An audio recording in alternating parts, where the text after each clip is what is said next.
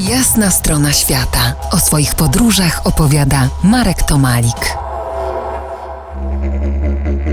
Wracamy do rdzennych Australijczyków. Aborygeni mieszkają w izolowanych dzielnicach dużych miast i w jeszcze bardziej izolowanych od białego rezerwatach, gdzieś poza wzrokiem białego w otchłaniach przepastnego interioru, w małych miasteczkach, gdzie diabeł mówi dobranoc, albo jeszcze bardziej niechcianej ziemi w sercu gorących pustyń, w rezerwatach zwanych tam gminami aborygeńskimi, czyli Aboriginal Communities. Nie tak łatwo kupimy tam piwo, względnie nie kupimy go wcale. Mało tego, za posiadanie nawet niewielkiej ilości alkoholu w bagażniku mogą grozić wysokie kary. Trzeba uważać.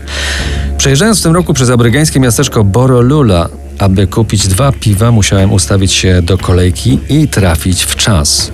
W liczącym 700 mieszkańców miasteczku piwo sprzedaje się w jedynym w mieście stoisku przy supermarkecie od 13 i tylko godzinę w ciągu dnia.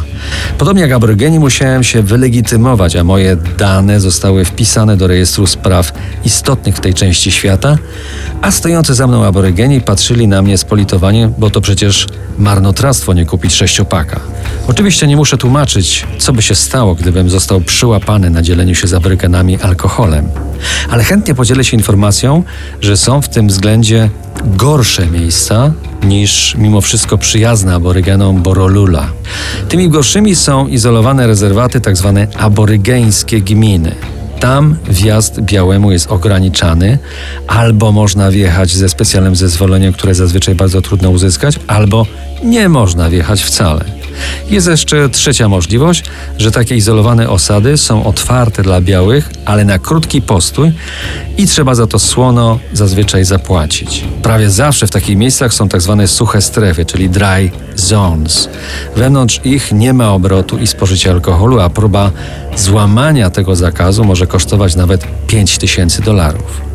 Tak, wstęp do świata aborygenów nie jest łatwy ani przyjemny. Za kwadrans opowiem o mocnej aplikacji aborygeńskiej. Zaraz, zaraz. Czy oni używają telefonów komórkowych? To jest jasna strona świata w RMS Classic.